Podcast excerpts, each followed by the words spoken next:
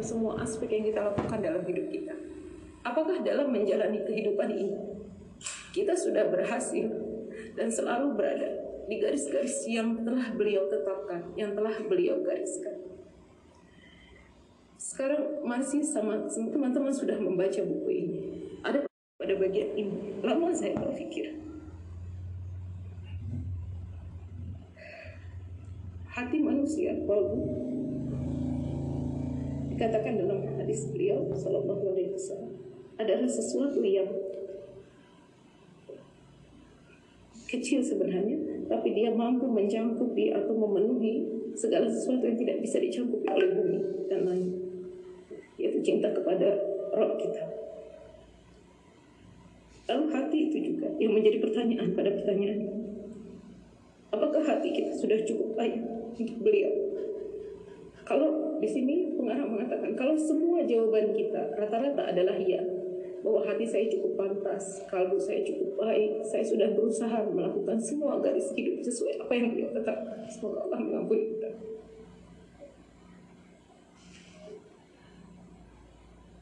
Maka berarti kita sudah sangat berada dalam posisi sangat bahagia. Teman-teman berada pada kondisi yang sangat membahagiakan. Karena berarti semua fantasi kita, semua mimpi-mimpi semua angan-angan kita adalah tergambar dan tersirat dan tersurat pada hanya pada sosok beliau. Bahkan dalam salah satu was beliau, dalam salah satu khutbah penulis buku ini, beliau menyampaikan bahwa Efendimiz rüyalarımızı görmek cahillerin teselisi. Onun bile mahrum kaldık ya. Kalau diartikan beliau mengatakan melihat Rasulullah Sallallahu Alaihi Wasallam dalam mimpi-mimpi kita itu pun adalah sebuah penghiburan bagi para jahil, orang-orang jahil sekalipun, orang-orang yang di tahapan masih mungkin membutuhkan itu. Sehingga kadang-kadang Allah merahmati kita dengan memberikan penghiburan berupa melihat beliau mungkin pada mimpi kita pada uh, kondisi-kondisi kita saat sulit. Dan itu pun uh, mengatakan itu pun terkadang kita sudah masih mahrum masih masih berada jauh dari kita masih tidak bisa mencapai itu. Maka jangankan saya bisa bertanya pada diri saya ampuni saya, saya tidak ada berhak untuk menanyakan pada semua saudara di situ. Apakah kita bahkan untuk menjadi seorang jahil sekalipun masih belum pantas dalam kerangka kita memataskan diri untuk menjadi umatnya.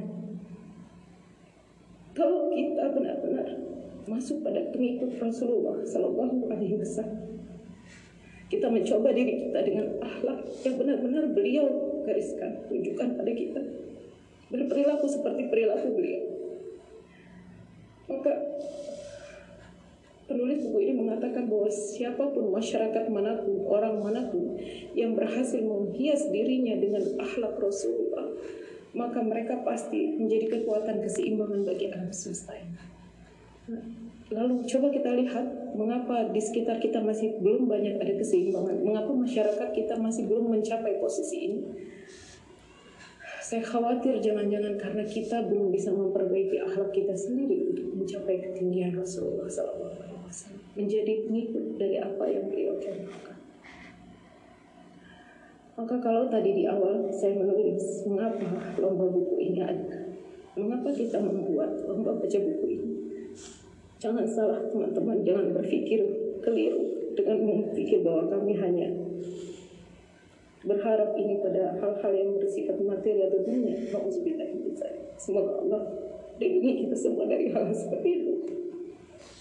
Tapi impian kami, impian kita semua, impian penulis-penulis para buku yang sangat mulia ini keduanya, pastilah hanya satu, yaitu berusaha memahami pribadi Rasulullah dan kemudian menjelaskannya kepada sebanyak mungkin orang. Dan di atas semua yang kita miliki berkenaan dengan masalah ini yang kita harus punya hanyalah sepotong niat tulus membulatkan tekad penjelasan pada tentang kepada masyarakat tentang sosok agung ini. Harapan saya saya tidak tahu terakhir berapa peserta. Saya dengar ada sekitar 9.000 orang insya Allah lebih. Saya setelah semua setelah membaca buku ini, besar kecil, tua muda, guru maupun murid, anak-anak maupun orang tua, semua adalah umat Muhammad yang sedang membaca kitab tentang beliau Sallallahu Alaihi Wasallam. Lalu semoga setelah ini sepotong niat tulus ini bisa kami tularkan kepada semua orang yaitu berusaha memahami tentang beliau lalu berusaha untuk menjelaskan sebaik-baiknya kepada seluruh orang-orang yang ada di sekitar kita. Tentu saja dengan semua keterbatasan dan kemampuan kita. Saya tadi dikatakan di awal bahwa saya mengatakan begitu bahagia berada di sini bukan bahagia karena saya berada dan bisa berbicara di forum ini tidak? Hasya tapi kebahagiaan saya hanya karena seandainya dengan cara ini, dengan membaca buku ini, ada secawat kerinduan kepada Rasulullah Sallallahu Alaihi Wasallam yang bisa kami sampaikan kepada semua pembaca buku ini. Seandainya setelah membaca buku ini, ada banyak para pemuda yang bisa melihat keindahan akhlak beliau dan lalu menjadikan beliau sebagai sosok yang benar-benar dicintai. Dan seandainya setelah membaca buku ini, semua peserta merasakan begitu dalamnya perasaan cinta yang kami sampaikan.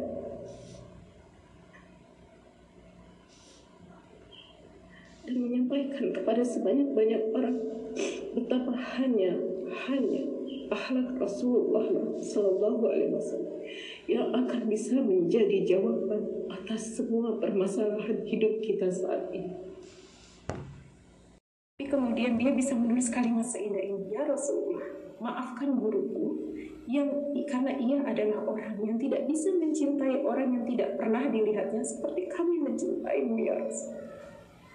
Ya Rasulullah, Wasallam kami mencintaimu. Dengan cara ibuku ketika dia menceritakan tentangmu dan aku melihat air matanya menetes. Anak ini mengatakan, Ya Rasul, kami mencintaimu. Dengan cara ketika malam-malam aku melihat ayahku mengambil wudhu di waktu musim dingin yang sulit dan ia bertahajud hingga sangat lama di atas sejadahnya untuk berdoa pada rohmu.